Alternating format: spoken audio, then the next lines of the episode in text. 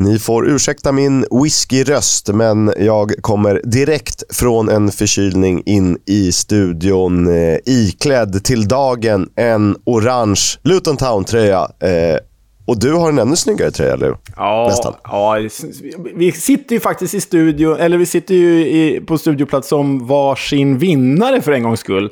Även om det är lite, så här, det är lite godtyckligt att helt plötsligt byta, byta lag. Men du sitter i din Luton-tröja och jag sitter i min Sheffield Wednesday-tröja. Det, det är ändå, helt oberoende av varandra har vi valt varsin vinnartröja, medgångssupportrar som vi kanske är. Ja, det är väl en av få IFL-tröjor jag har. Jag är ju inte på din nivå. Det är Newport County och Luton. Kanske är någonting mer där i, i garderoben. Eh, det här är ju faktiskt eh, ledsamt nog säsongens sista avsnitt. Ja, eh, det är ju faktiskt nästan bara tråkigt. Det är lite, lite, lite skönt, men framförallt betyder det att säsongen är slut och det är ju faktiskt tråkigt. Även om det var en jävla säsong. Jag, det, va, nu har vi kört det här i två säsonger i Kisk. Eh, vilken säsong har du gillat mest? Eh, oh, avslutningen på den här säsongen slår förra säsongen tycker jag. Att vi liksom, Ja. Luton som vi ändå har tyckt om från början och deras sjuka resa, att de faktiskt fick ta klivet upp. För det vet ni ju när ni lyssnar på den här podden. Och att eh, dessutom under den här säsongen fick vi resa tillsammans. Eh, helt eh, vad heter det? restriktionsfritt till England, till Sheffield. Vi skapade ett nytt favoritlag för podden. Sheffield Wednesday blev ju vårat eh, favoritlag. Ingen favorisering, men vi måste ju ha liksom några att hålla tummarna för. Eh, risken är att de är lite för bra. Så att jag säger ändå den här säsongen och jag tror att eh, givet vad som hände med upp och nedflyttningar att vi kan få se en ännu bättre säsong nästa, en ännu bättre upplaga. Håller du med? Ja, alltså dels håller jag med av samma anledningar som du drog nu, men också för att så här i efterhand, jag tyckte det var jävligt kul då när mitt kära Fulham var i serien. Eh, men för egen del har jag märkt efter den här säsongen att det blev så mycket fokus för mig förstås på Fulham. Så jag kanske inte riktigt uppskattade allt det andra som hände runt omkring. Visst, jag, jag följer för Derby och så höll jag även en tumme för Forest, liksom, vilket är helt sjukt att liksom, de är värsta rivaler. Men inser jag nu när jag säger det. Men den här säsongen känner jag att jag liksom kunnat uppskatta i princip alla placeringar 1-24, för jag har inte haft Fulham som har liksom pockat på min uppmärksamhet. Så därför tycker jag den här säsongen har varit roligare av den anledningen eh, också. Eh, så, eh, ja. Ehm, det var, det var Eh, eh, innan vi började spela in här så eh, skrev vi till varandra om vilka tröjor vi skulle sitta i. Och du frågade om jag skulle sitta i en Sevilla-tröja. Och eh, det gör jag ju inte, för i Spanien är jag Bettico. Jag håller ju på Jag håller med. Betis. Jag håller med. Ehm, och och eh, det är ändå lite speciellt för dig om du är Bettico, för jag menar, du håller ju på Djurgården och Betty ser ut som Bayern.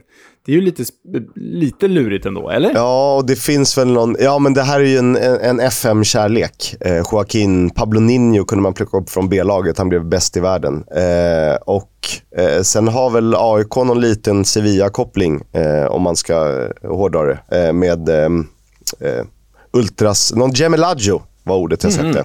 Nej, det visste inte ens jag. Och Bayern och Betis är ju med grönvitt antar jag. Men eh, jag är inte så eh, fanatisk som eh, med andra klubbar.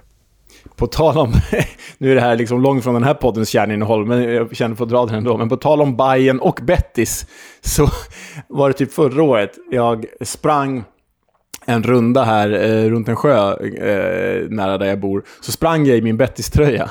Eh, och på, sist, på upploppet, liksom, sista kilometern, så springer jag, två, eh, springer jag förbi två promenerande gubbar. Eh, och precis när jag passerar de här gubbarna så skriker en av dem “Hata Bayern!” För han tror ju att min Bettis-tröja är en Hammarby-tröja såklart. Men jag springer på jag skriker tillbaka. Det är inte Hammarby, det är Bettis! Varpå han svarar. Hata Bettis! Det är jätteroligt.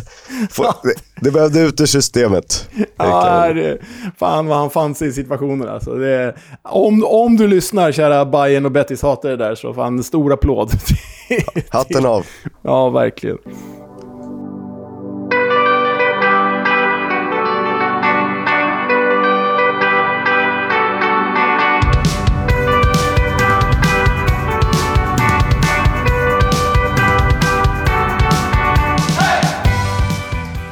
Jag tycker att det är no time to waste efter eh, det kanske längsta introt den här säsongen i alla fall. Men eh, vad gör väl det, den sista avsnittet.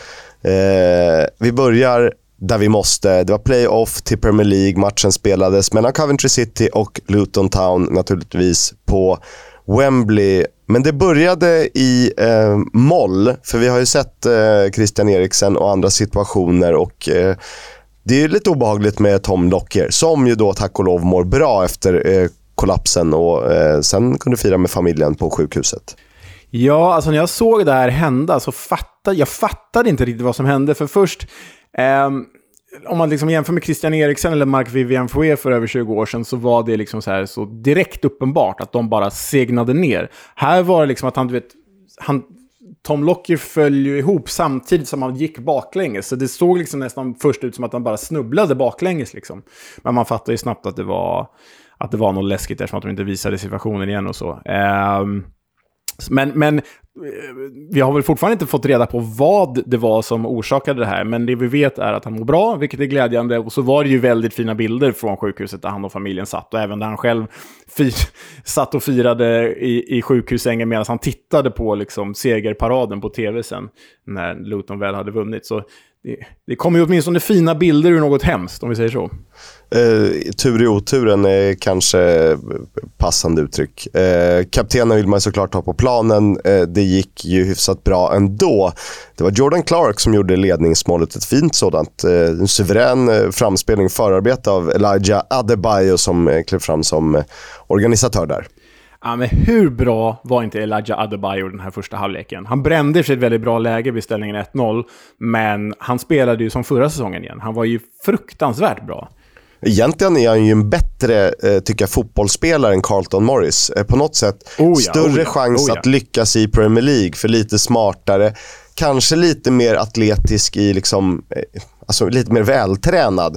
Carlton Morris känns som lite mer bufflig, eh, som ju passar väldigt bra i Championship. Och, eh, man brukar säga att andra säsongen alltid är svårast och nu kanske han har polerat av det och kan prestera nästa säsong om han får bli kvar. Ja, men eh, det känns ju som en duo som faktiskt kan ställa till problem i Premier League. För Carlton Morris är ju inte helt olik eh, jag tänker på liksom Grant Holt-figurer som ändå har gjort en 10-12 mål i, i, i, Premier League. Liksom. Eh, men Adebayo, alltså när Adebayo var som bäst där i första halvleken i, i lördags eh, in, inför detta fullsatta Wembley, vilket också är helt otroligt, eh, över 80 000, så satt jag och tänkte att det här kommer sluta 2-3-0 till Luton. För det var ju jag vet inte om du håller med, men jag tycker det var klasskillnad i första halvlek.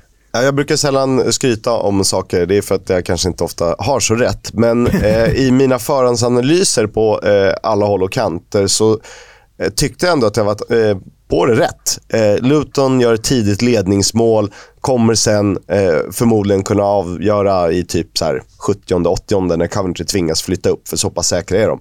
Det var ju, där och då kändes det lite så. Ja, ja verkligen. Eh, verkligen. Men alltså, sen när matchen, bara, när matchen bara svängde, för andra halvlek, det är ju Coventry. De klev ju bara ut och växlade upp. Och såklart firma Gyökeres och Gustavo Hammer så, som står för kvitteringen. Vad annars? Ja, men, och då är vi ju eh, rätt på det och det har de varit även i England. Det var ju de som skulle göra det, för i övrigt så saknas det en hel del eh, spets i Coventry. De har liksom inte den typen av Jordan Clark-figurer och Alan Campbells och eh, Freemans och gud vet vad de heter. Nej, nej exakt. Men det var ju det var ett jäkla eh, fint förarbete av Viktor Gyökeres ju. Vad innebar det? Vad slutade han på då? 21 mål och 12 assister, eller? Ja, det måste det ha varit va? 33 poäng. Ja, Vilket är bäst i serien fortfarande, om man får räkna med playoff. Om man ser till eh, insats, alltså insats av en svensk spelare den här säsongen, Eh, sett till kvaliteter på ligan han spelar i också. Är Viktor Gyökeres bästa svensk ute i Europa det här året? Eller liksom är Emil Forsberg bättre? Han gick ju bra ett tag där i Leipzig. Men vilka andra svenskar skulle vara bättre än Viktor Gyökeres den gången? Isak säsongen? har ju varit skadad en hel del och inte spelat ja. alltid och kanske inte använts på sin bästa position. Eh, Kulusevski eh, lite in och ut i Tottenham som har gått som berg och rakt utför. Eh, om vi ser offensiva spelare, absolut. Jesper Karlsson har ju varit rätt bra i stora delar. En del skadad också. Men alltså, det, det, är ju klart, det är klart att Isak är en bättre spelare än Gyökeres. Det säger jag ingenting om. Även om det faktiskt till och med ryktas om Gyökeres i Newcastle i, skrivande, eller i talande stund. Men ah, jag undrar om Gyökeres liksom är är bästa svensk utslaget på prestation sett till, till eh, kvaliteten på motståndet den gångna säsongen. Ja, för det är många matcher, lång säsong, men du måste ju hålla dig skadefri och det är tragiskt nog vissa som inte gör det. Men han har ändå lyckats göra det och det tyder på att han har lagt ner tid på, på en eh, annan del av träningen också. Ja, ja, verkligen. Så att, eh, intressant tankegång. Vad, vad tycker ni andra? Mm. Eh, det blev ju 1-1 efter 90 minuter. Hade kunnat avgöras i förlängning. Var ju på väg att göra det när Taylor avgjorde. Dock korrekt var bortdömt PGA Hans, får vi ju säga. Ehm, för den studsade upp på handen. Ja, men det gjorde det. Så det var, ju, det var ju rätt, även om jag tar varje tillfälle i akt och säger att jag inte gillar VAR. Men, men det är klart det var rätt, absolut. Eh, eh, inget snack. Och sen gick det här ju då till eh, straffar. Och det var ju hejdundrande bra straffar. Hur ja, det var ju, jag är väldigt glad att min eh, fru tog nattningen där så jag kunde kolla. Men det var ju nästan så att så här, fasen, jag orkar inte se det här. Och Eh, det hade inte gjort mig jättemycket om vi hade fått bevaka Luton ytterligare en säsong. Men eh, givet hur de har slitit och hur fint hantverk eh, den klubben har tagit sig hit igenom så känner jag ändå kan de inte bara få göra det? Och Det kanske eh, skapar lite mer integration i, i communityt än segregation som det har varit tidigare. Och Det är ju elva riktigt, riktigt bra straffar, det måste vi säga. Varenda en av dem är ju bra på sitt sätt. Även om en målvakt går åt rätt håll. Nej, det är hög, hög nivå. Och det ska sägas att Ethan Horvath, alltså Luton-målvakten, han går ju typ rätt håll 75% av gångerna, 80% av gångerna. Um... Alltså, ja, givet att vi hade ett VM med lite straffläggningar och haft det i, i olika utslagsmatcher. Jag tycker att senaste typ året, eller åren, att det har blivit bättre straffar överlag. Alltså ja. att målvakterna har blivit så pass bra så att du måste slå riktigt bra straffar även som en så här andra högerback i ett typ Sheffield Wednesday. Ja, ja men ja, jag menar Sheffield Wednesday straffar har vi sett den här säsongen också. De var ju, var ju också faktiskt fantastiskt bra. Men på tal om högerback så var det faktiskt en högerback som avgjorde den här tillställningen. Och det var ju stackars Fankati Dabo, den tidigare Chelsea-produkten. Och jag såg om den här straffläggningen, så jag har sett den totalt tre gånger. Och det är ju lätt att se på folk i efterhand när man vet resultatet, vad som kommer hända. Men jag har verkligen tittat på Dabo de där två ytterligare gångerna jag såg straffläggningen. Och han ser så jäkla plågad ut på vägen fram till bollen. Alltså man, det är ju så här, med facit i hand, ja, jag visste ju att han skulle bränna då när jag såg om straffläggningarna, men med facit i hand är det, alltså, han är den enda som ser skakad ut inför uppgiften och han är den enda som bränner. Jävla tungt alltså. Det är så jävla tunga scener när han sätter sig där i gräset och gråter. Visserligen omtröstad av Luton-spelare direkt som är fint, men... Ja, det är fint, ja. men vad, vad, det är Inget spelar roll om man missar. Jag tycker alltid att det är skönare, likt eh, matchen mellan Sevilla och Roma, där ändå två Roma-spelare missar och eh, Montiel kan avgöra. Ja. Ah, det är väldigt ja, mycket lättare att smälta. Eh, min mänskliga sida visar sig ganska tydligt då. Ja, men här blir ju... Alltså, Dabo har gjort en jättebra säsong. Det är, det är inget fel på honom, men han blir ju så tydligt syndabock här för en snedspark högt över stackaren. Nej, det är så jäkla sorgligt. Och på det så valde ju Coventry att inte förlänga hans kontrakt heller efter säsongen. Så, så liksom, det... straffsumpare och eh, får inte förlänga kontraktslös. Kontrakt, äh, det, är, äh, det är deppigt. Eh, jag har eh, en liten tanke. Det är, det är ju rätt, rättvist. Det är jätteroligt för Luton. Sen är jag ju vansinnigt trött på, eh, även om vi la upp en bild på Kennyworth Road, eh, så jag är trött på så här, det här, är, det här är Lutons arena, den ska till Premier League. Jo, vi vet det. Vi har ju pratat om det i flera års tid. Har ni sovit under en sten, ni på sportredaktionerna som vill ha lite enkla klick? Ja, alltså jag håller med. Det har ju, det har ju slagit knut på sig själv, hela Kennyworth Road-grejen. Det är ju fantastiskt, det är ju otroligt. Men nu när alla hakat på det så har man ju sett det mer än vad man inte hade sett det förut. Så, så Ja, men jag menar, jag älskar ju den grejen ändå. Eh, Välkommen till Fredriksskans och Stadsparksvallen. Och har man varit på fotboll på Enavallen i Sveriges närmsta stad, Enköping, ja, det är lite så här Stadshagen typ. Ja, ja nej, men det, det, har väl liksom gått inflation i det där. Och det kommer det fortsätta göra med tanke på att vi har ett specialavsnitt om Lutons resa idag. Säsongens sista The Club. Eh, så vi fortsätter väl att mjölka den här Luton-kossan, även om vi är lite trötta på just Kenilworth Road-memesen. Man hade ju kanske hellre haft kvar Luton, men eh, jag sticker ut hakan och säger att Coventry 2023-24 blir Huddersfield säsongen 2022-23. Alltså för dynamikens skull och för poddens skull är det bättre om, och för innehållets skull är det bättre med att säger emot det. Men jag är faktiskt helt överens i den spaningen. Vi var ju tidigt ute med att fälla det omdömet om Huddersfield förra säsongen. Att de, givet tappen, eh, de genomgick att de skulle bli bottenkandidat istället för finalist som det var säsongen innan. Eh, men jag håller med dig om Coventry här. Alltså, de har ju 12 spelare vars kontrakt går ut nu i sommar. Fankati Dabo, en av dem. Gyökeres kommer ju att flytta till Premier League, det vet vi. Gustavo Hammer, han kanske inte flyttar till Premier League, men han kommer lämna Coventry. Så mycket vet vi. Vad finns då kvar i Coventry, frågar man sig. Jo, Mark Robbins förstås, men utöver det? Ja, alltså, ja, en bra manager, men han ska också göra någonting av eh, det nya han får. Och eh, jag, jag känner att det kan börja lukta in, inte nödvändigtvis nedflyttning, men eh, bottenlag tror jag. Ja, bottenlag. Eh, sen kanske de lyckas med ersättarna och hitta bra värvningar. Det är ju ändå en väldigt, liksom, sportsligt sett välskött klubb. Men jag tror att de ska vara glada om de kommer tolva nästa år. Så. Ja, typ någonting sånt. Mm. Eh, Gyökeres och Hammer är på väg bort alltså och det är bara 12 mål som har gjorts eh, av Coventry utan att eh, Gyökeres eller eh, Hammer eh, spelat fram eller gjort målet. Vilket är ganska hisnande siffror, men det är visst... ja, det är faktiskt helt sjukt. Då är, då är man hyfsat beroende av de två spelarna och båda kommer lämna.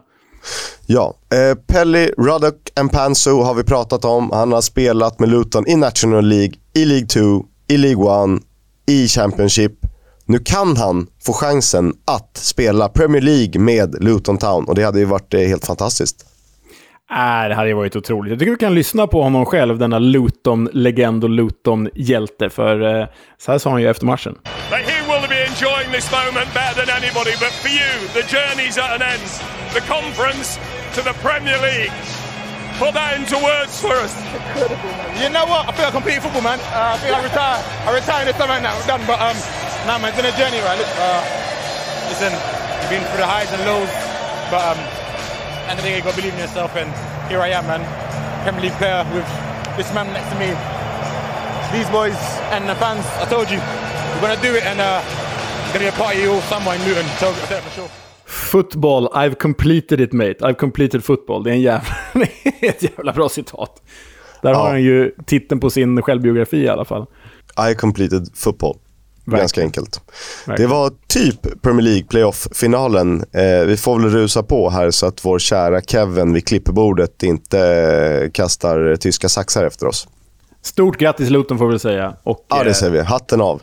Hatten av.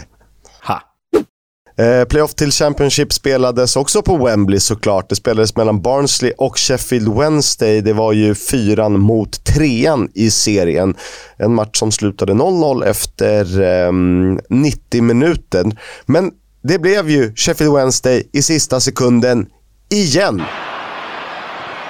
Gregory center and the header is in! Sheffield Wednesday have won it!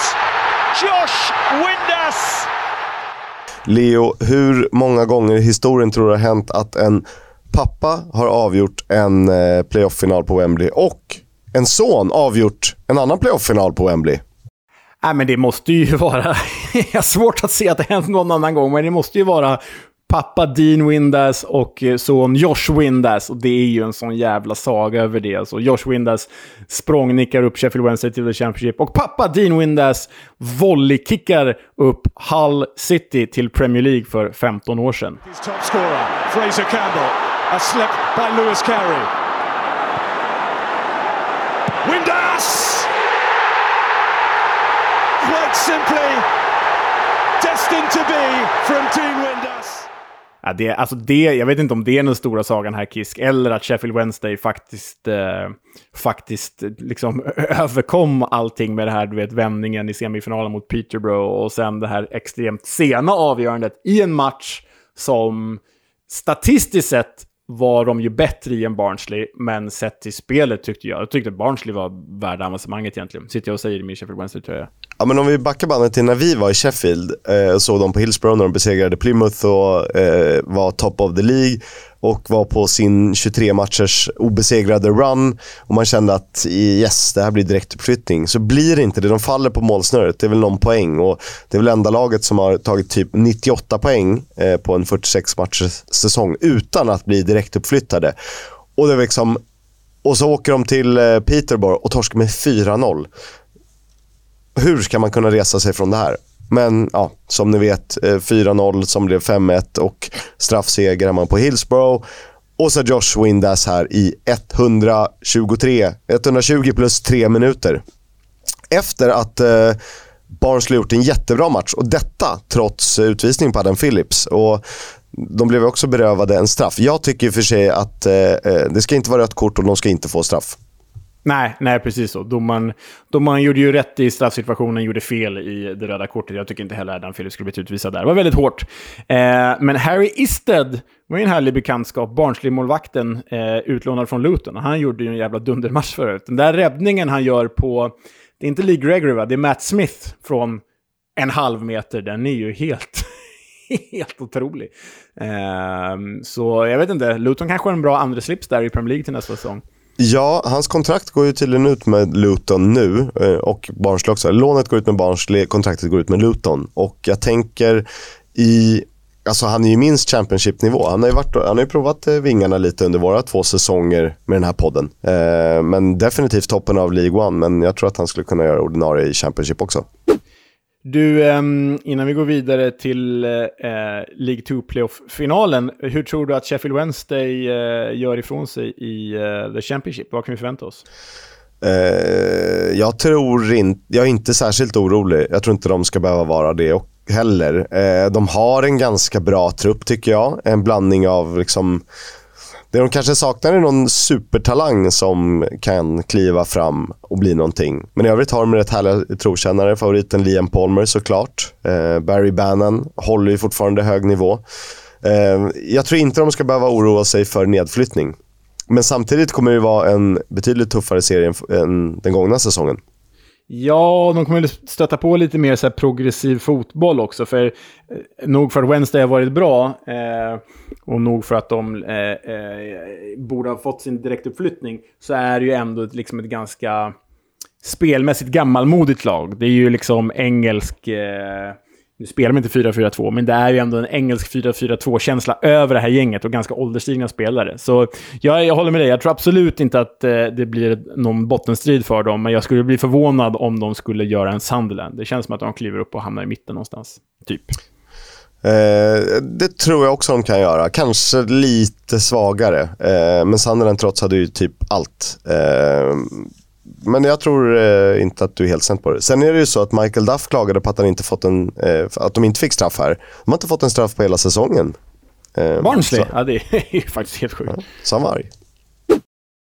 Det spelades också ett playoff till League One efter att vi har gratulerat Sheffield Wednesday. Det var mellan Carlisle och Stockport. Även den matchen gick till förlängning och också eh, till och med till straffar när eh, eh Carlisle tog sig till League och de är i, alltså i tredje divisionen för första gången sedan 2014. Det fick 34 000 åskådare bevittna på Wembley.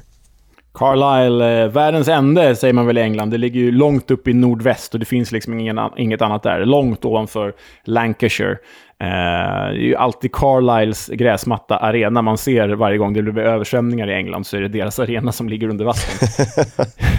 så det, det, är lite deppigt. Vi hade ju Carlisle med i veckans Warnock tidigare under säsongen ju, när någon holländsk eh, journalist sågade Carlisle till tusen va? Ja, eh, but I'm from Carlisle. Bara från Carlisle, ja just det. Eh, nej men eh, det var ju lite speciellt för eh, Carlisle-managern Paul Simpson. Det här var hans sjätte besök på Wembley. Men hans första seger. Så han, var liksom, han gjorde en omvänd José Mourinho. Han vann sin första final. Ja, fasen vad skönt när José Mourinho torskar saker. Det är lycklig hela kroppen. Eh, samme Simpson har ju tagit Carlisle från botten till uppflyttning på 18 månader och eh, de har rätt intressanta karaktärer. Kapten Huntington, eh, Holy i mål och eh, Moxon, assistkungen, eh, som säkert kan, eh, de kan dra nytta av i League One. Stockport, som ju faktiskt också kallas The Hatters, precis som Luton, kunde inte upprepa deras succé. Men eh, de var nykomling från National League och steget är stort. Och man eh, gillar ju Stockport lite. Ja, min gamla kollega eh, som ett tag var aktuell för den här podden tillsammans med dig och mig, Anton Boström, som eh, fortfarande jobbar kvar på Discovery. Han har ju varit och sett Stockport ett par gånger och eh, rekommenderar dem. De har ju liksom typ 10 000, 5 10 000 på läktarna nere i National League. Det är en jävla grej. Och det är svinnära Manchester. Ja, det är fett. Gratulerar vi Carlisle upp till League One. Job Bellingham ser ut att eh, snart vara klar för Sunderland. Eh, intressant resa. Han kan nog funka väldigt, väldigt bra där. Ja, men verkligen. Det, och det ju, går ju i linje med resten av Sunderland. Ung, ung spelare som eh, de kan vidareutveckla. Det har de ju verkligen gjort bra den här säsongen. Så ja, eh, varför inte? Vidare i ryktesväg vill Leicester ersätta James Madison med största sannolikhet, eh, som med största sannolikhet kommer stanna kvar i Premier League. De vill ersätta honom med Elias Chair från Queens Park Rangers och det vore ju inte dumt för tittar man på expected assists den här säsongen i The, Champion, i the Championship så är ju Elias Chair etta. Um, som en lite bättre medspelare hade han nog kunnat göra en riktigt dundersäsong, Chair. Det hade han nog absolut eh, kunnat göra. Varför inte det? Eh, möjligtvis att han måste bli lite mer effektiv. Ja. Kontraktet med Bristol City är på väg att löpa ut och han, Noah Masengo, kan vara på väg till Burnley. Eh, lite chockartat, men eh, jag tyckte främst förra säsongen att man såg kvaliteter hos mm. honom.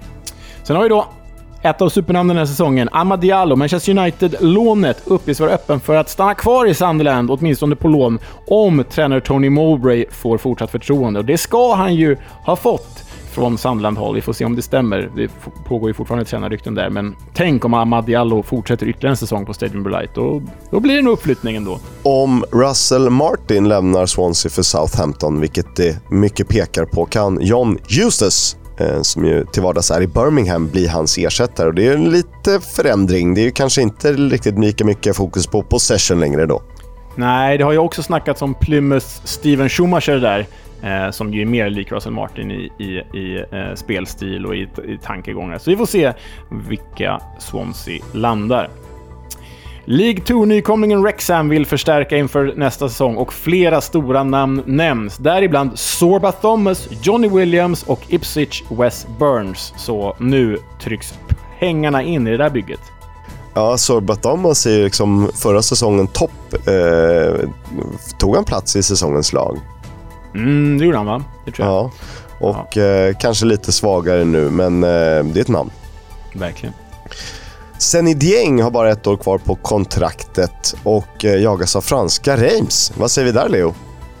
Uh, jag säger ju Reims, men... jag skojar. Uh, nej, men det vore ju en stor förlust för Queens Park Rangers förstås.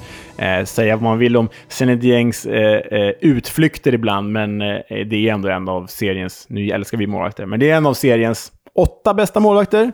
Håller du med om det? de är ändå 24 stycken första slipsar.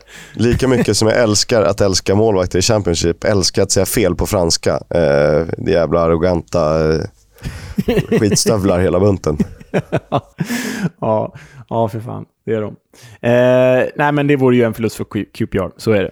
Jay da Silva eh, är klar för Coventry. Eh, kommer närmast från The Robins, eh, alltså Bristol City. Jack Stacey flyttar till Norwich från Premier League-spelande Bournemouth. Så det hoppas ju The Canaries på blir en, ett bra tillskott. Uh, Jack Clark, tidigare i Tottenham, uh, svårläst ytter med uh, fint tillslag. har gjort det jättebra i Sunderland den här säsongen. Jagas nu av Burnley, Brentford och Crystal Palace. Och, det är väl klart att det är ett större steg, men det känns inte omöjligt i en rotation. Nej, verkligen inte. Ytterligare ryktesväg så lämnar ju Joel Lattebaudière Swansea och nykomlingarna Ipswich, Sheffield Wednesday och Plymouth rapporteras alla vara intresserade av försvararen. Det är ju så... Just det, precis. Ja. Förlåt? Exakt, exakt. Inte nog med eh, straffmissen. Som vi sa, Fankati Dabo släpps av Coventry. Eh, det gör även Sean Maguire, eh, som ju lämnade PNI för säsongen ut kontrakt med Coventry. Han får också gå. Får se var de hamnar. Kan vara smart att ha i ett truppbygge i Championship. Eh, vi har ju tidigare pratat om Lutons resa, en galen sådan. Vi kan försöka länka det avsnittet någon annanstans. Det är allt från Formel 1-banor och eh, Manager Idol och eh, fan och hans moster. Men nu ska vi prata om resan som tagit Luton från National League till Premier fucking League. Leo, ordet är ditt.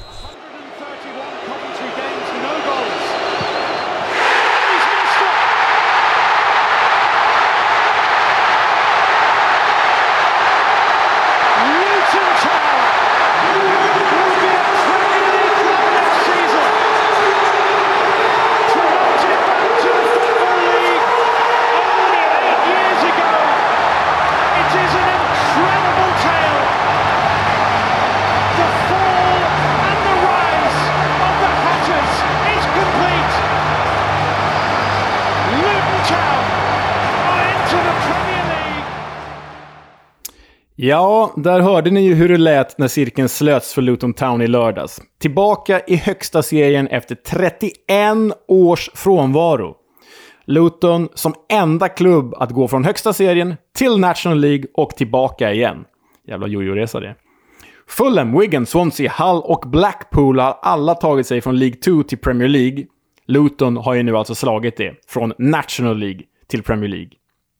Wimbledon har i och för sig gjort samma resa som Luton en gång i tiden. Men det var ju före Premier League blev Premier League. Före pengarna, före glamouren, före... Det är klart att fotbollen var ekonomiskt polariserad även på 70 och 80-talet, men det var inte så ekonomiskt polariserat som den är nu. Så det här kanske vissa av våra lyssnare tycker är historielöst, men jag skulle säga att Lutons resa från National League till Premier League är faktiskt en större bedrift än vad Wimbledons med The Crazy Gang var på 70 och 80-talet. Ja, det är det. Definitivt. Men det har inte varit en lätt resa, resa för Luton. Och eh, eh, nu kommer vi fokusera på de här tuffa åren då, från liksom 2009 och framåt. Så precis som Kisk sa, vill ni höra Kisks hela genomgång av Lutons historia så eh, får vi länka till det avsnittet på våra sociala medier, för det är ju en väldigt rolig berättelse även det. Men den här gången börjar vi berättelsen med Luton Town i League 2 säsongen 2008-2009. Då befann sig klubben faktiskt på en plats, plats så långt ner som den inte borde vara. Luton var ju kostymen för stor för League 2. Men det skulle bli värre. För trots att The Hatters faktiskt vann Football League Trophy den säsongen, eller som det numera heter, Papa Johns Trophy, blev de straffade med 30 minuspoäng.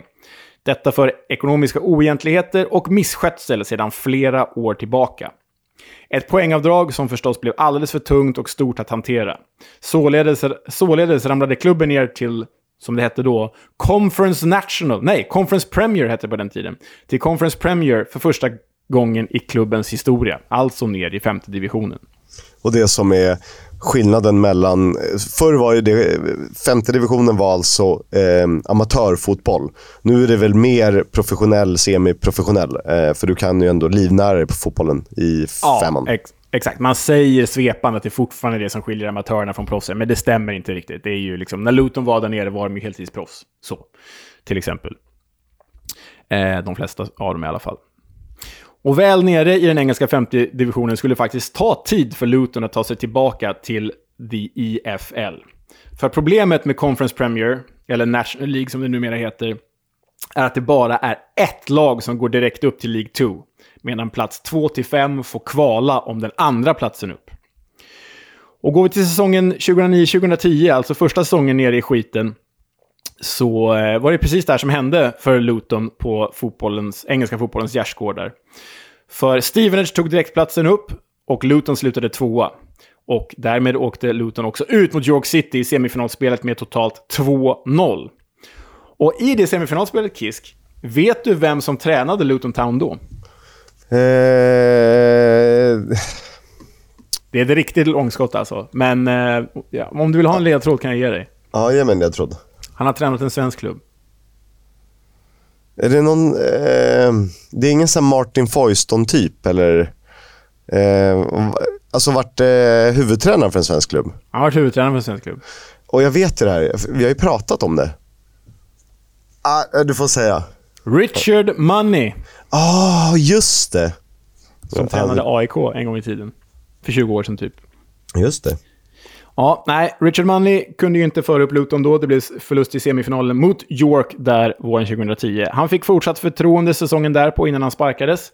Eh, och då, 10-11, slutade Luton blott på en tredje plats i Conference Premier. Återigen en missräkning och återigen dags för playoffspel upp till det IFL. Hur det gick? Sådär. The Hatters slog förvisso ut Wrexham i semifinalen med hejdundrande 5-1. Men finalen mot just Wimbledon på City of Manchester Stadium gick till straffar. Now we're back on level terms. Well, reality is though, Jason Walker sticks this one in. Advantage Luton. It's fantastic. The man who thought he'd scored in normal time. He scored now. No! It's been denied by Seba. It looked as though that was going to cross the line. Goalkeeper. Don't know what Jason was trying to do. I think he was trying to be a little bit cheeky there. Little clip I think he's tried in the centre of goal. Just put your bootlaces through it, just strike goal. Said Brown's done fantastically well. But crucial penalty, centre goal. It's a terrific save, don't get me wrong. But Jason just... 48 games. Two hours of football today. And Wimbledon are down to one penalty kick to take into the Football League.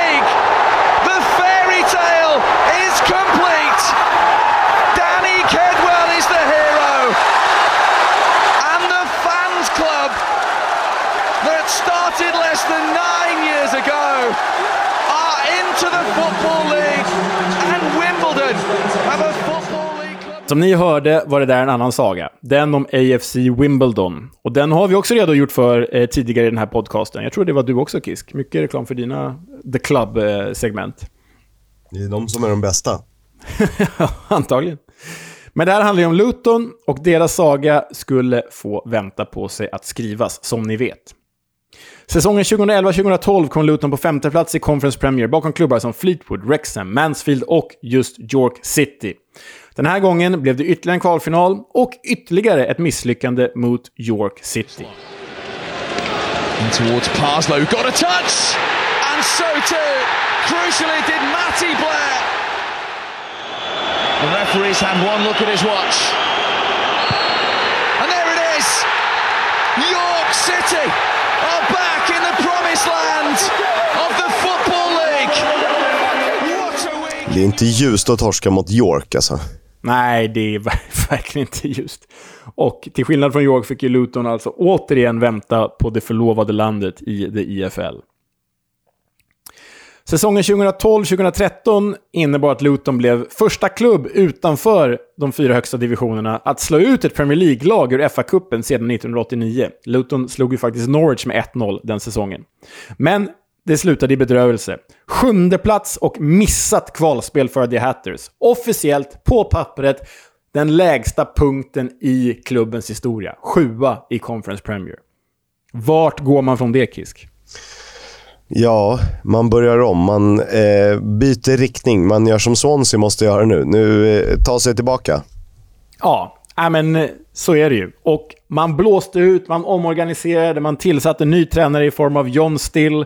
Men trots detta såg säsongen 13-14 också ut att sluta i besvikelse. I alla fall sett i inledningen av säsongen, då Luton bara gjorde två spelmål på de åtta första matcherna. Aj, aj, aj. Och eh, det placerade dem i tabellens nedre regioner. Men sen kom vändningen genom klubbrekordet på 27 raka matcher utan förlust under en period då laget gjorde 78 mål. Från nyår till säsongsslut låg Luton etta i tabellen. Uppflyttningen och återkomsten till IFL kom således våren 2014, efter fem år nere på fotbollens bakgårdar.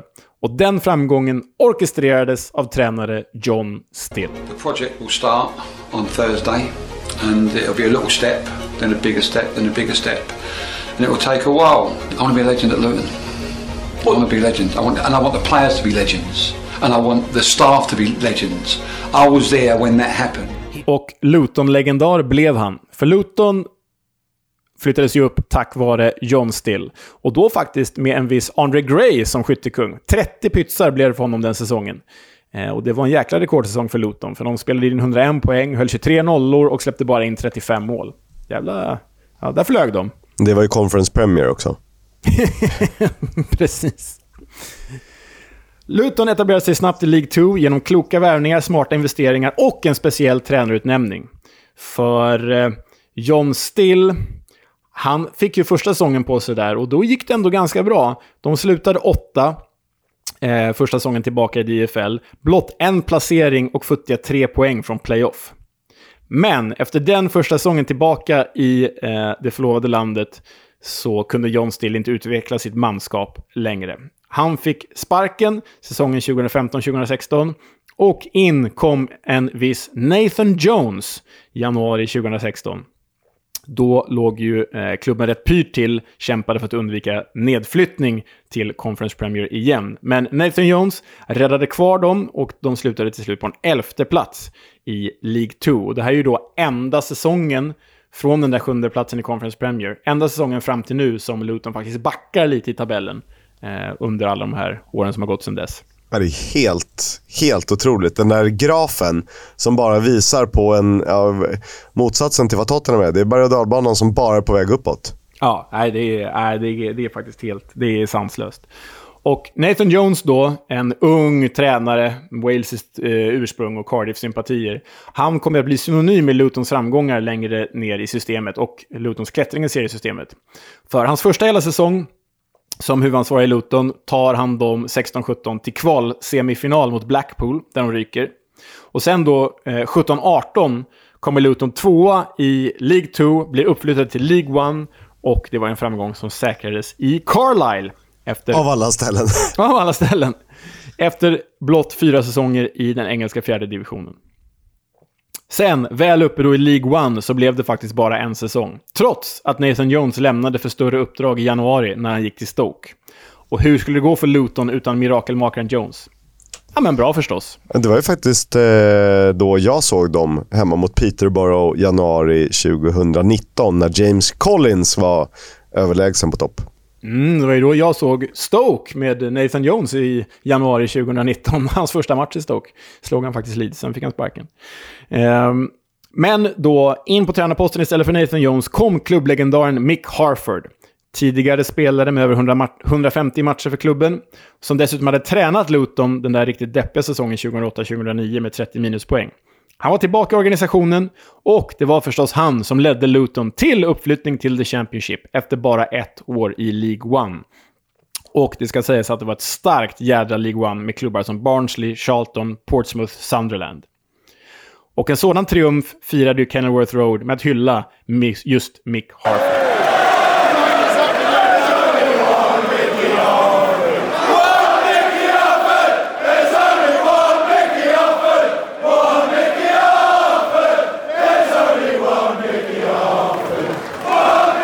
Mick Harford lämnade ju sen tränarposten och är ju faktiskt idag eh, liksom värvningsansvarig i Luton. Så det är ju han som liksom omnämns som ja, men den bästa värvningsansvariga i hela England egentligen. Det är ju det, det, är ju det som har tagit Luton de sista stegen här. Om man får ha förutfattade meningar hur mycket man än gillar Mick Harford så ser han verkligen inte ut som den head of recruitment som löser en uppflyttning till Premier League.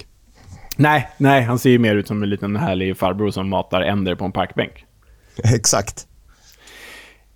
Ja, och då efter Harfords eh, mirakelsuccé och uppflyttning där från League 1 så var Luton tillbaka i den engelska andra divisionen efter 12 långa år. Och första säsongen tillbaka i The Championship slutade med knapp överlevnad och med en återkomst för Nathan Jones på tränarposten framåt maj. Och den här säsongen då, 1920, det var ju pandemisäsongen. Så det var ett uppehåll där mellan mars och juni. Så när Nathan Jones tog över klubben i maj då låg de 6 poäng under nedflyttningsstrecket. Men på de nio sista matcherna, som alltså då var Nathan Jones nio första matcher, så eh, vann Luton fyra, kryssade fyra och förlorade en. Vilket innebar att eh, Luton säkrade nytt kontrakt i sista omgången genom att slå Blackburn med 3-2. Det är ju en jävla grej. Alltså man, man, det är ju konstigt det här med Nathan Jones Kiss. För otroligt bra resultat i Luton, men så fort han flyttar går det åt helvete för honom, men inte för Luton. Nej, det är ju eh, utan att gå i händelserna i förväg så lider man ju lite med Nathan Jones man vet vad som hände med Luton. För att det var inte han som fick gå i höstas. Han lämnade ju för Southampton, som åkte ur.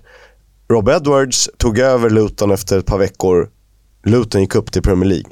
Eh, och Nathan Jones fick ju sparken redan innan det. De hade, vad hette han, Ruben Seyes eller någonting. Någon gammal eh, spanjor eh, som eh, fick testa. Så att Nathan Jones eh, har inget jobb. Eh, men det har ju eh, Rob Edwards. Så är det. Säsongen 2021 ledde Nathan Jones Luton till 12 plats i The Championship och klubben hade således etablerat sig. Sen då förra säsongen, vår första poddsäsong 21-22, värvade spelare som Amari Bell, Reece Burke, Fred Onyedinma, Alan Campbell och Cameron Jerome. Spelare som alla var med och bidrog till Lutons sensationella sjätteplats förra året och playoff-spel. Som dessvärre, som ni vet, tog slut i semifinalen mot Huddersfield. Och den här säsongen vet vi ju redan, det skulle inte gå att toppa. Det skulle inte gå att göra bättre. Det skulle inte gå att överträffa. Men, jo, det skulle det. Trots att Luton inte vann en enda av sina fyra första matcher. Trots att Luton bara gjorde ett mål på sina fyra första matcher. Trots att Luton tappade Nathan Jones, igen, till Southampton i november. Trots att Luton, mitt under brinnande säsong, tappade nyckelspelaren James Bree. Men den här säsongen värvade de ju ännu smartare. Alfie Dowdy, Carlton Morris, Cody Dramey, Ethan Horvath, Marvelous Nakamba. Man kan ju säga att Mick Harford gjort sitt jobb igen. För det här var ju spelare som alla såg till att Luton till slut, efter 31 långa år, efter att ha grundat Premier League men inte fått spela det, faktiskt gick upp till högsta serien.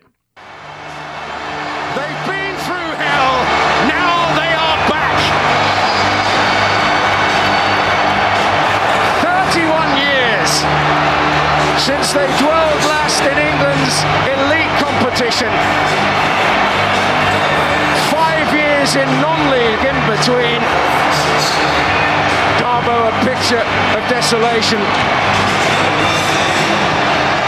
Well, for Gary Sweet, the chief executive, tears in his eyes, and understandably so. Ten years ago, they were losing at home to Hyde United. Manchester United are coming to Kenilworth Road. Ja, men det är väl eh, de här eh, jobbiga, men ibland ganska lyckliga åren summerade. Och du, du sa ju det, men jag, jag fastnar ju mest vid Nathan Johnson då, sjuk, sjukt nog. Att så här, han, han gör det här så bra under flera års tid, men när han lämnar, det är då de säkrar uppflyttning från League One till the Championship. Och när han lämnar igen, det är då de säkrar uppflyttning från Championship till Premier League. Det är ju ändå någonting som måste vara smolk i bägaren för honom ju. Ja, nu har han ju tur. När alla klubbar går upp i Premier League och får massa pengar, då blir de helt bindgalna. Och det är klart att Rob Edwards gjorde ett jättefint jobb och naturligtvis kommer att få leda det här. Men risken är att man är ett bottenlag, givet den situation man är i, även om de värvar kanon. Eh, och efter ett tag får han gå bara för att det är så den moderna fotbollen ser ut. Eh, men det känns ju ändå ganska långsamt att Nathan Jones skulle få åka på en tredje session i Premier League med Luton. Han är värd det, men eh, det är, jag svårt att se det hända. Och, ja, det är tufft. Det är klart det är tufft. Ja, det är ju jävla tufft. Men vilken jävla resa för, för Luton som klubb. Alltså det, är, det är ju det här... Jag vet inte, det närmaste jag kommer det är ju Leicesters Premier League-titel där 2016. Så, så stort är det här ju. Ja, men det är det. Och det är också lite så här... Eh, jag vet inte vad ska man... Det är typ som för det tillhör ju inte London, men det kan väl skohorna in det i Greater London. Eh, flygplatsen heter ju ändå London Luton. Det heter, Västerås heter i och för sig Stockholm Västerås. Så det kan, dålig jämförelse. Men det är liksom 20 minuter från Kings Cross med, med snabbtåget. Så det är inga avstånd. Så det är lite som om typ Vallentuna eller Åkersberga skulle ha ett lag. Så det blir, vad ska man säga, från den stan fast ändå ute på landet. Och Det finns ju någonting där. Eh, Watford stora rivalen och arenan. Det är klart den ska nämnas även om vi är trötta på tjatet. Ja, nej, men det är nog lättare för Luton att, liksom, om de skulle etablera sig i Premier League, det är lättare för dem att locka till sig publik, eh, global publik, än till exempel, jag vet inte, Swansea eller Norwich. Så. Ja, men det är klart det blir. Att så här, åh, vi vill hålla på underdog-klubben klubben som ligger strax utanför London. Ja, precis. Eh, Luton var ett av eh, tre lag tillsammans med Burnley och Sheffield United som gick upp till Premier League. Men det var också tre lag som åkte ur Premier League och får spela Championship 2023-2024. En av de bästa upplagorna av Championship någonsin, måste vi säga. Ah, det är ju stora och bra klubbar här. Visst att West Ham har varit nere, Villa har varit nere och Newcastle har varit nere. Men här har vi då alltså Leicester, Leeds, Southampton, Norwich, Middlesbrough, Sunderland. Eh, vilka mer vill man slänga in i leken där då? ja, bara de räcker väl. Alltså, det är ju en jäkla... Ja, Watford också förstås. Och West Bromwich. Det, det är ju... Alla det där är ju Premier League-klubbar egentligen. Eh, nu kan ju inte alla vara det samtidigt, men det känns som att det kan bli jäkligt spännande nästa år alltså. Om Det kan det lite, bli. Ja. Om vi tittar lite närmre på dem då. Eh, du har ju kritat ner lite info här kring respektive. Ska vi börja med Leicester? Det gör vi. De slutade högst upp av de tre lagen som åkte ur. Ja, men vad är Leicester då? Ja, drygt 500 000 bor i staden Leicester i Leicestershire. East Midlands. Det är eh, den tionde största staden i eh, Storbritannien och är beläget relativt mitt i England. De spelar på King Power Stadium som tar drygt 32 000 åskådare.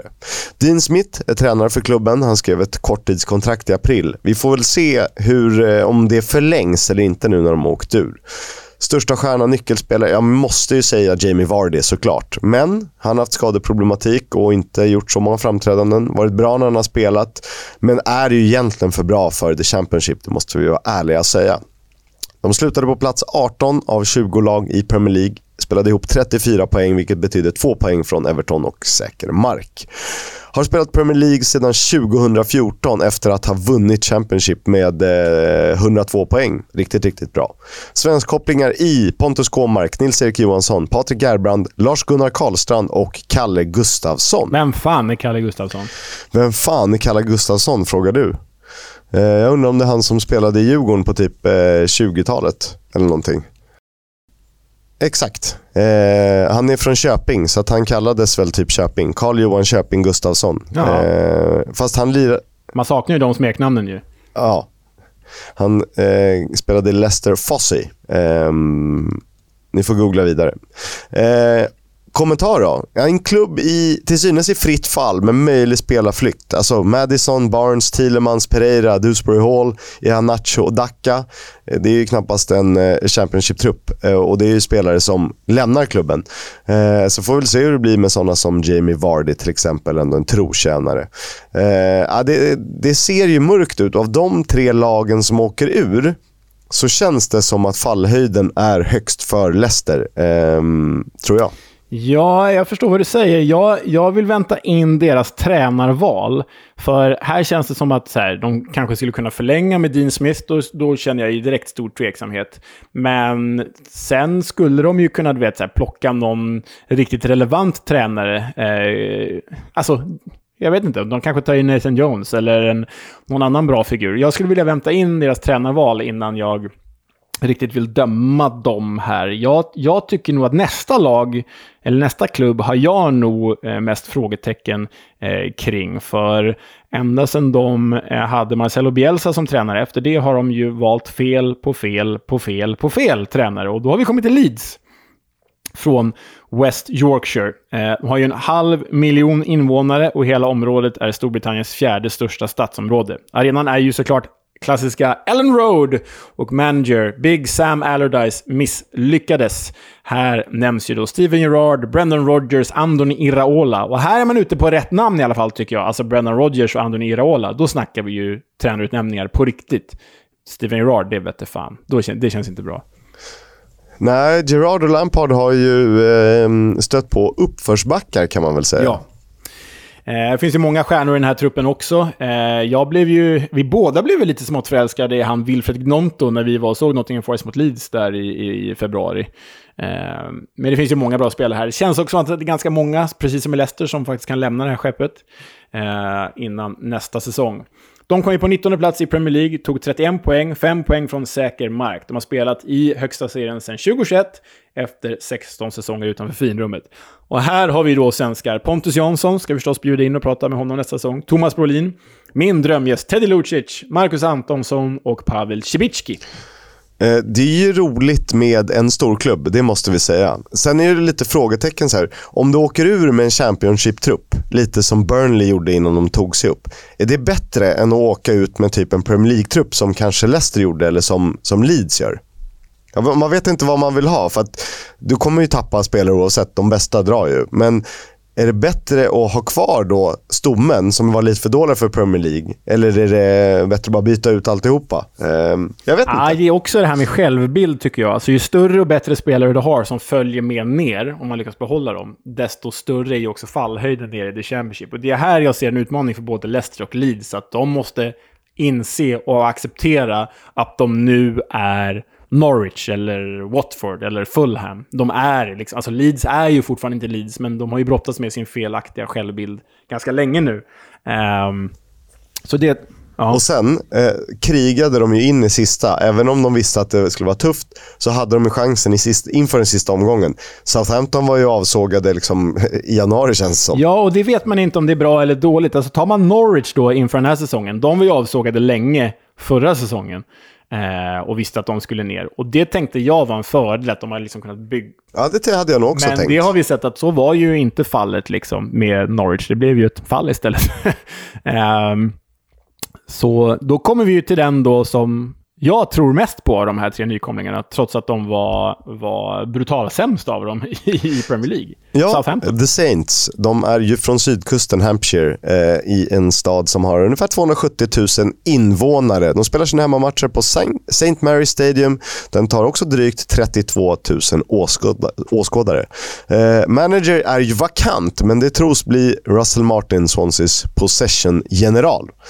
Eh, Största stjärna får man nog ändå säga kapten James Ward-Prowse med frisparksfoten, som ju dock lär lämna. Även om han är en trotjänare så eh, kan han säkert vraka och välja bland ganska många trevliga klubbar. Inte allt för långt från hemstaden då. Ligaplacering blev ju 20, tvärsist. 25 inspelade poäng, 11 från säker mark. Det var klart ganska länge. Eh, de har spelat i Premier League sedan 2012. Då blev de två i Championship. Eh, spelade ju League One så sent som 2011. Eh, fem svenskar, Anders Svensson, Mikael Svensson, Andreas Jakobsson, Mikael Nilsson och Alexander Östlund. Eh, vad mycket svenska efternamn det var där. Eh, den, Ja. den enda nyttan de egentligen gjorde den här säsongen, det var ju faktiskt att ta poäng av Arsenal. Eh, fyra oavgjorda och tio förluster på de 14 avslutande. Men de tog poäng mot Manchester United, Tottenham, Arsenal och Liverpool, vilket ju är eh, otroligt starkt. I övrigt var de ju eh, urusla. Ja. Sen har du en intressant grej. Eh, inför vår första säsong med den här podden så pratade vi mycket om Adam Armstrong och tappet eh, Blackburn, hur de skulle ersätta honom. Han har ju varit en flopp i Premier League, inte alls gjort eh, så många mål som man trodde. Kan han lyckas i Championship igen? Det hade ju varit en rolig spelare att få se eh, på sin kanske då rätta nivå. Mer Jordan Rhodes och Connor Wickham och Grant Holt, eh, Ricky Lambert eh, nivån. Men verkligen. Och jag, jag tror som sagt, alltså blir det Russell Martin här, vet, vi skriver ju upp honom lite grann, för det är inte så mycket resultat i honom egentligen. Det är bara härlig fotboll. Men, men eh, jag tror ändå Southampton känns... Ja, det är ändå... Det här, nu ska jag göra en sån här. Bara på uppstudskisk. Eh, vi kör varsitt Jonas Dahlqvist-tips. Han gillar ju att tippa. Direkt när säsongen är slut så gillar han att tippa nästa säsong. Och det här får vi inte ta som ett officiellt tips, men bara som en kul grej. Eh, plats 1-6 nästa säsong. Fan, jag har inte ens eh, framför mig vilka som spelar nästa säsong. Eh, du har ju suttit och funderat på det här i flera veckor. Varför tog det fan slut? Okej, vi, vi måste ta ett... Eh, alltså placering för placering, eller kan man ju bara baka ihop dem, eller? Nej, Gör som du vill. De sex som kommer på topp top sex kräver jag av dig i alla fall. Okej, eh, topp 6 kommer ju Norwich, eh, där kommer West Bromwich Albion, där kommer Southampton. Där kommer Leeds, eh, där kommer Sunderland och där kommer Middlesbrough. Mm. Ja, du hade alltså inte med Watford där då? Nej, eller hur? Jag inte med Watford och Leicester. Inte med Watford och Leicester. Jag säger då på eh, lite uppstuds så säger jag Middlesbrough 1, Southampton 2, eh, fucking 11 hem. Nej, jag säger faktiskt eh, Leeds 3, 4 West Brom, 5 Sunderland, 6 sticker ut hakarna och säger att Millwall kommer sexa. Ja, I övrigt tog du samma som jag. Det är typiskt dig. Vilka tre åker du då? Oj jävlar, den är svår. eh. Bara så här och nu så ryker ju eh, Plymouth, Rotherham och QPR. Vad säger du då? Ja, Rotherham är med om. Plymouth kanske det beror på lite. Steven Schumacher känns ju som en... Nej, eh, Cardiff en måste ju åka ur. Cardiff åker ur. Eh, Ja. Rod- Rotherham, Cardiff och eh, QPR. Oj, då säger jag Rotherham, Cardiff och eh, Plymouth. Mm. Gör jag nog, Spännande. tror jag. Du, eh, jag bara snabbt innan vi går mot sluttider här. Hetaste matcherna i Championship. Lite nya bekantskaper. Vi ska låta er rösta. Men vi har ju Leicester Coventry som ändå är M69 Derby. Eh, sen kan ni ju tröttna på våra derbyn, men de kallar det så själva.